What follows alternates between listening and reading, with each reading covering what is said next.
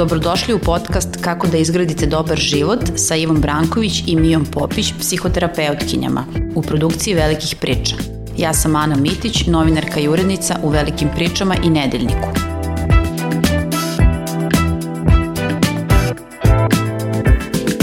Dobrodošli u drugu sezonu podcasta Kako da izgradite dobar život. U našoj prvoj epizodi razgovarat ćemo o jednoj temi koja nas sve dotiče – kako tehnologija utiče na naše odnose. Kada govorimo o tehnologiji, govorimo često o prednostima, ali govori se i o negativnim uticajima i negativnim pojavama koje donosi tehnologija. Naravno, tu se misli i na mobilne telefone i na društvene mreže, ali i na nešto više od svega toga, znači sve ono što čini tehnologija. Kada govorimo o tim negativnim uticajima na međuljudske odnose, ono što ću prvo pitati Ivu jeste koji je najveći uticaj tehnologije na odnose među ljudima? Šta je to tehnologija promenila kada govorimo o, o psihologiji, o odnosima i o vezama među ljudima? Pa ono što se meni čini da, da se dogodilo sa tehnologijom su oba uticaja paralelno koje se nekako zajedno dešavaju. Uh, a to je i ogroman pozitivni uticaj i veliki negativni uticaj, u stvari pre bih rekla rizik za odnose. Pozitivni uticaj je naravno to da smo sada imamo mogućnost da komuniciramo više nego ikada uh, i kad smo razdvojeni i da u, u realnom vremenu delimo iskustva i da budemo na taj način povezani. Uh, s druge strane, ono što se takođe dešava je da nam ta ista tehnologija koja bi mogla i povezuje nas i mogla bi da nas povezuje, uh, ona nam uh, okupira pažnju prilično. Pa onda predstavlja rizik da umesto da budemo bliski mi onda kada jesmo zajedno, kada smo fizički prisutni, da onda zapravo budemo okupirani nekim drugim stvarima. Mislim i da je rizik i to što nam stvara privid da smo povezani. To nekako rade društvene mreže, jer nam daju informacije, mi vidimo živote jednih drugih i onda ponekad nedovoljno težimo tome da se zapravo sretnemo i da zapravo provedemo neko vreme zajedno, jer imamo utisak da imamo ideju šta se dešava u, u tuđem životu, a zapravo ono što vidimo je samo neka jel, slika ili predstava na društvenoj mreži.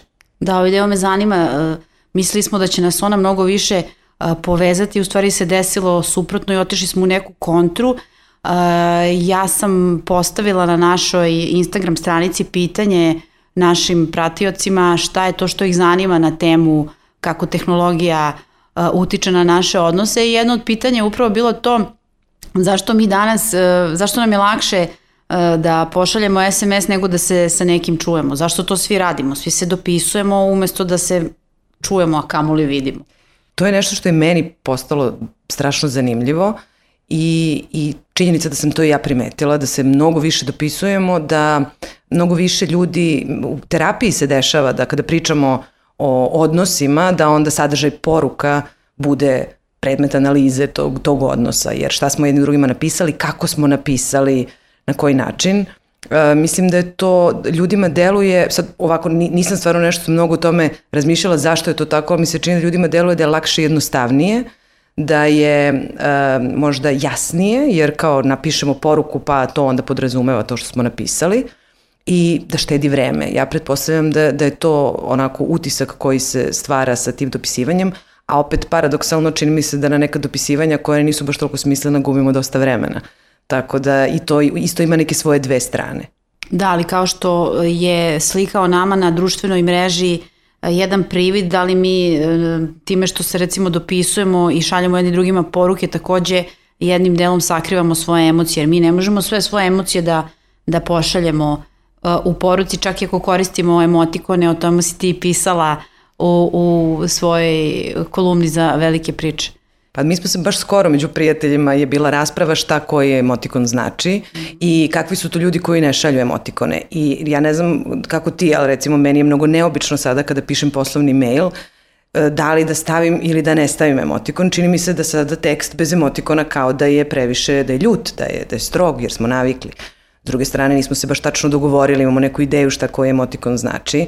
Tako da mi nešto komuniciramo jedni s drugima, ali bez da zapravo porazgovaramo o tome šta komuniciramo, mislim da se otvara baš ozbiljno polje za, za nesporazume onda u tom smislu.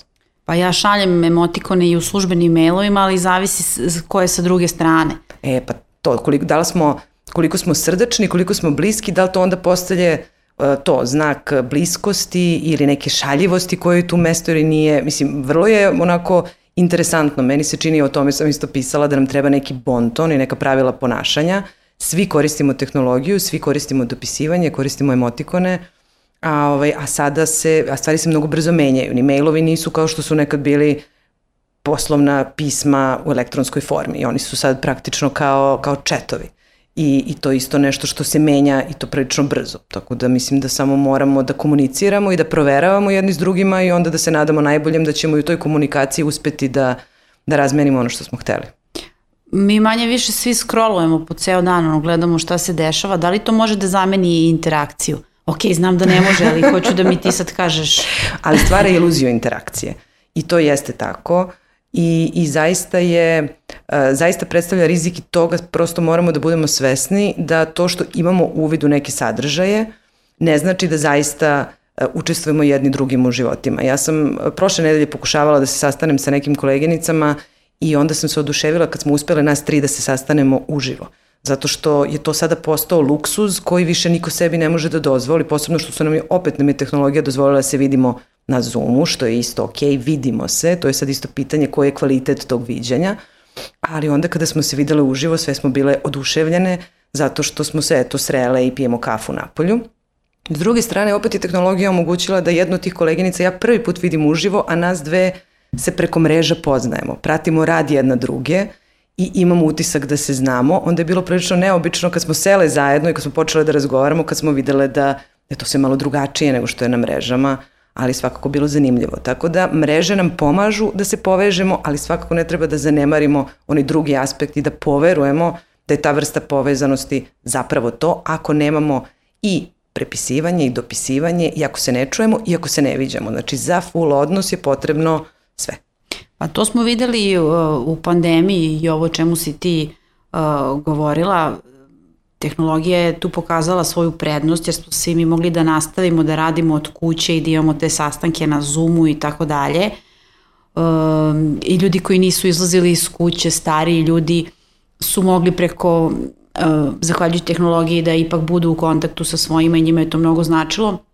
Međutim, sa druge strane smo shvatili da ne može da nam ta tehnologija zameni taj odnos i to ono što nam je svima najviše falilo, tako? A jeste i ona čak u tom smislu onda može i da pojača osjećaj usamljenosti. Jer baš zato što dobijamo jednosmernu informaciju na neki način, tako što možda pratimo živote drugih na mrežama i što nemamo taj ljudski kontakt koji jeste bitan, onda do određene granice možemo da imamo utisak da smo i dalje povezani s ljudima, ali ako nemamo pravi živi kontakt, onda, onda se povećava usamljenost. Da, još, se, još je gore, dakle. A zašto su naši odnosi uh, postali površniji uh, zbog uh, tehnologije?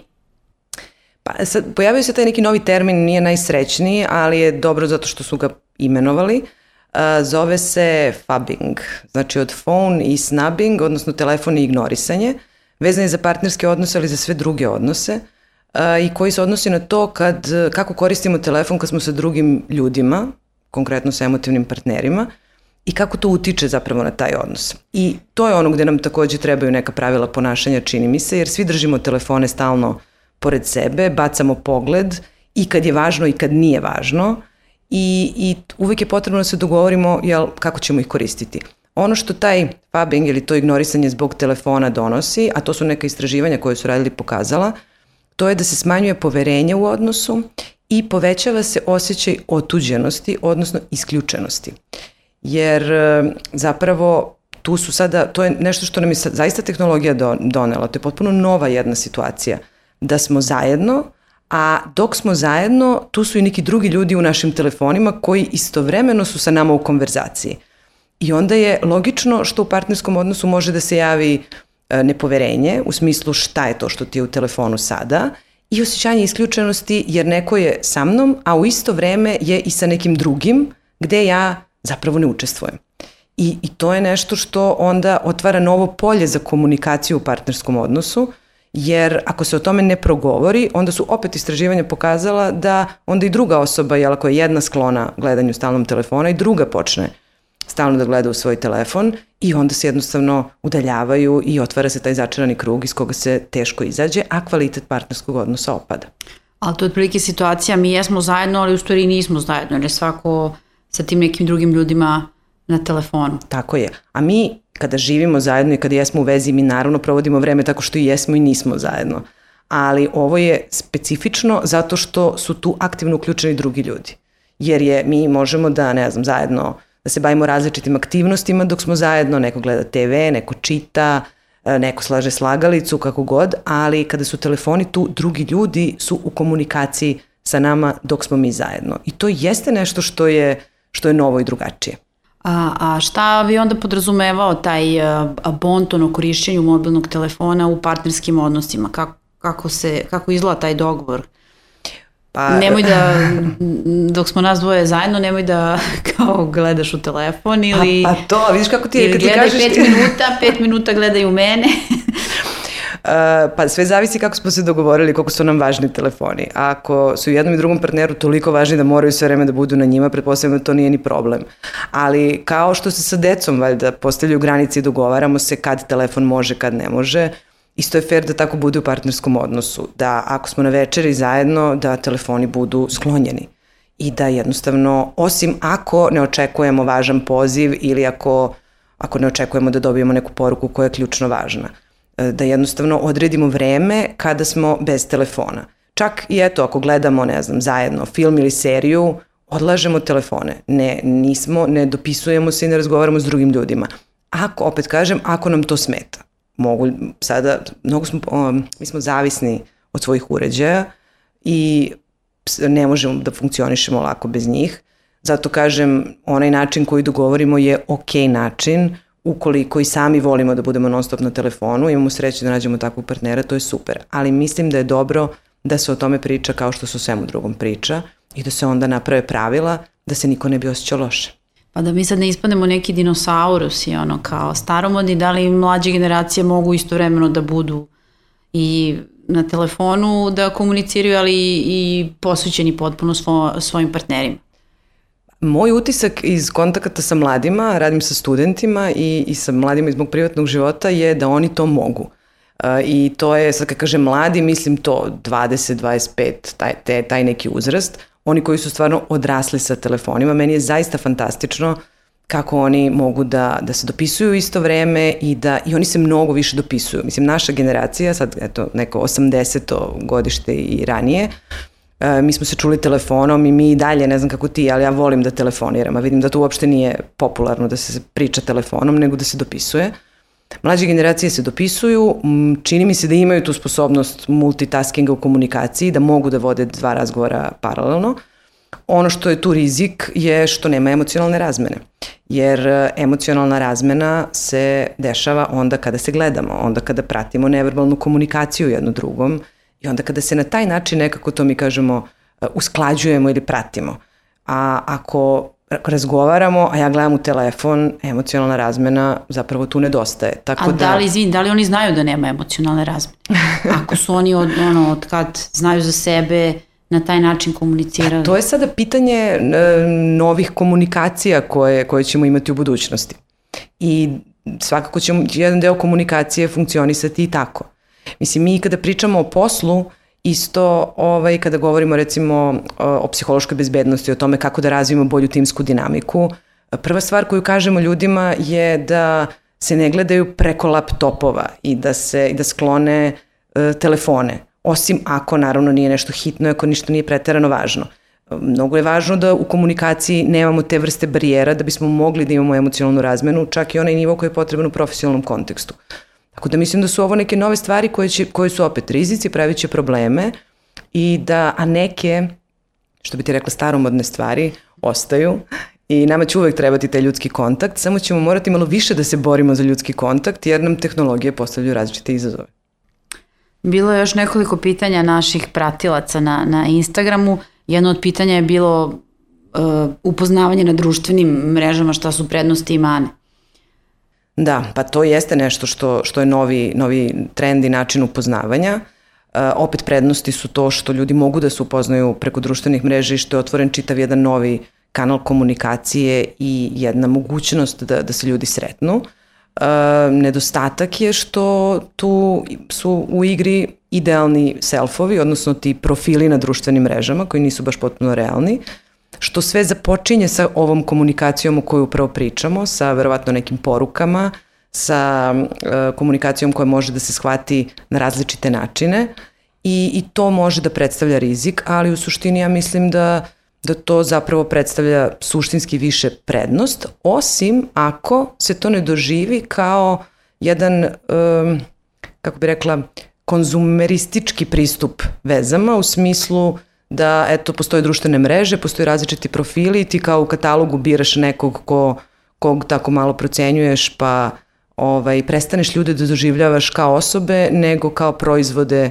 u, u radnji. Eto, to bi mogao da bude rizik, jer ako se svedemo na svoje profile na društvenim mrežama i na aplikacijama, onda se prilično dehumanizujemo, tako da i na to moramo da obratimo pažnju. Mm -hmm, zanimljivo, zanimljivo. Uh, a kako tehnologija utiče na, na gubljenje bliskosti? Bliskost je nešto što je najvažnije u partnerskim odnosima i kako funkcioniše taj mehanizam, šta to tehnologija radi, pa se ta bliskost uh, gubi, jer već smo spomenuli da su odnosi onda površni i kako se dešava da se izgubi bliskost.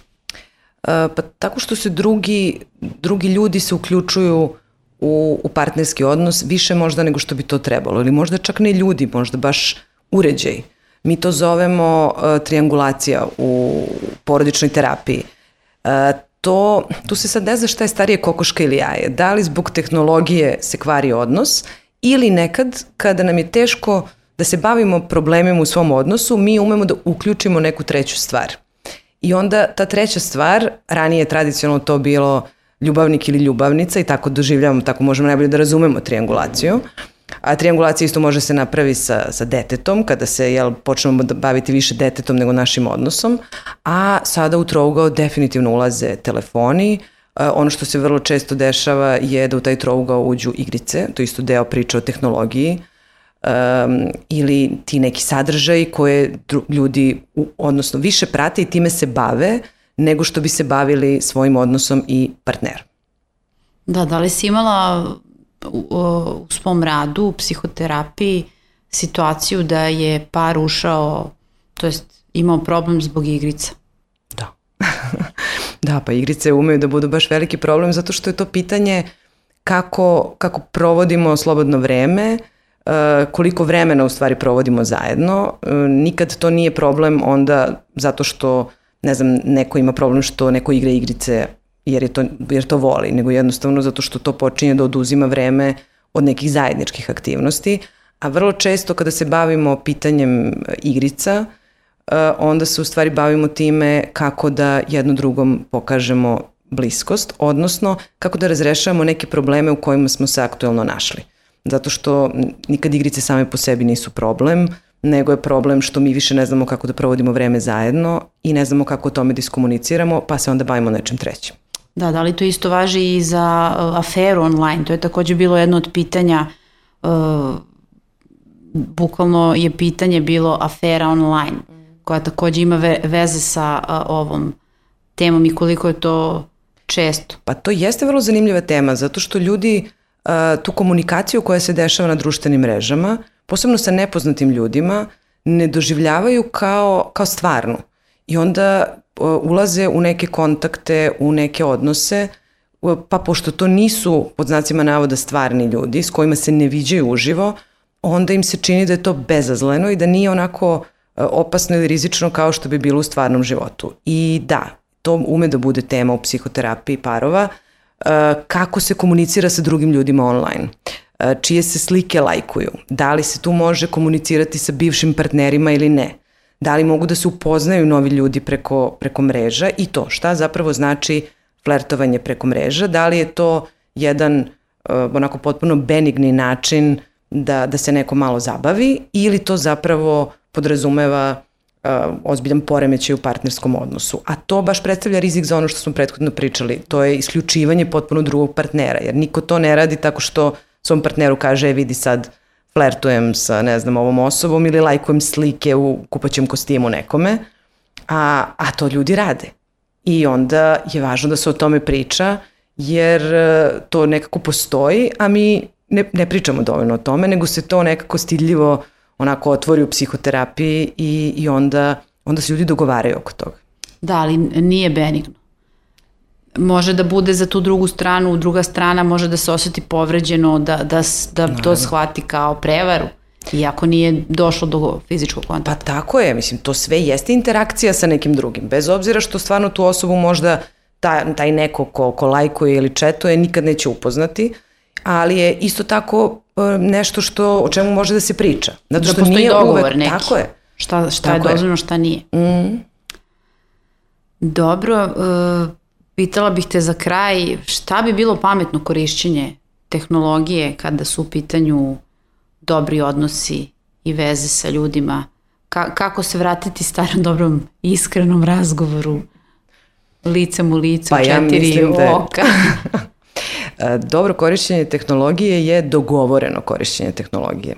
Nema e, pravilnog, ispravnog načina. E, možda samo se podsjetiti da kao što ne bismo neke druge stvari radili onda kada komuniciramo sa nekim, isto tako treba da tretiramo i svoje uređaje i da tu negde počnemo od sebe i da vidimo šta nama prija kada su zapravo korišćenje tehnologije u pitanju, pa da onda uspostavimo neka svoja pravila i da onda sa ljudima u svom okruženju uh, izdogovaramo ta pravila. Sasvim je okej okay reći, ne prija mi da ti telefon bude na stolu dok, dok pričamo, uh, ne prija mi da gledaš u telefon, vola bi da provedemo vreme bez toga i mislim da je to sasvim okej, okay, a okej okay, kažem i više od toga, ali da se o tome priča, da se ne podrazumeva, jer činjenica je da pošto nedovoljno pričamo o tome, neke stvari nam se podrazumevaju, a onda se ljudi osjećaju loše. Znači, razgovor i tehnologije zajedno.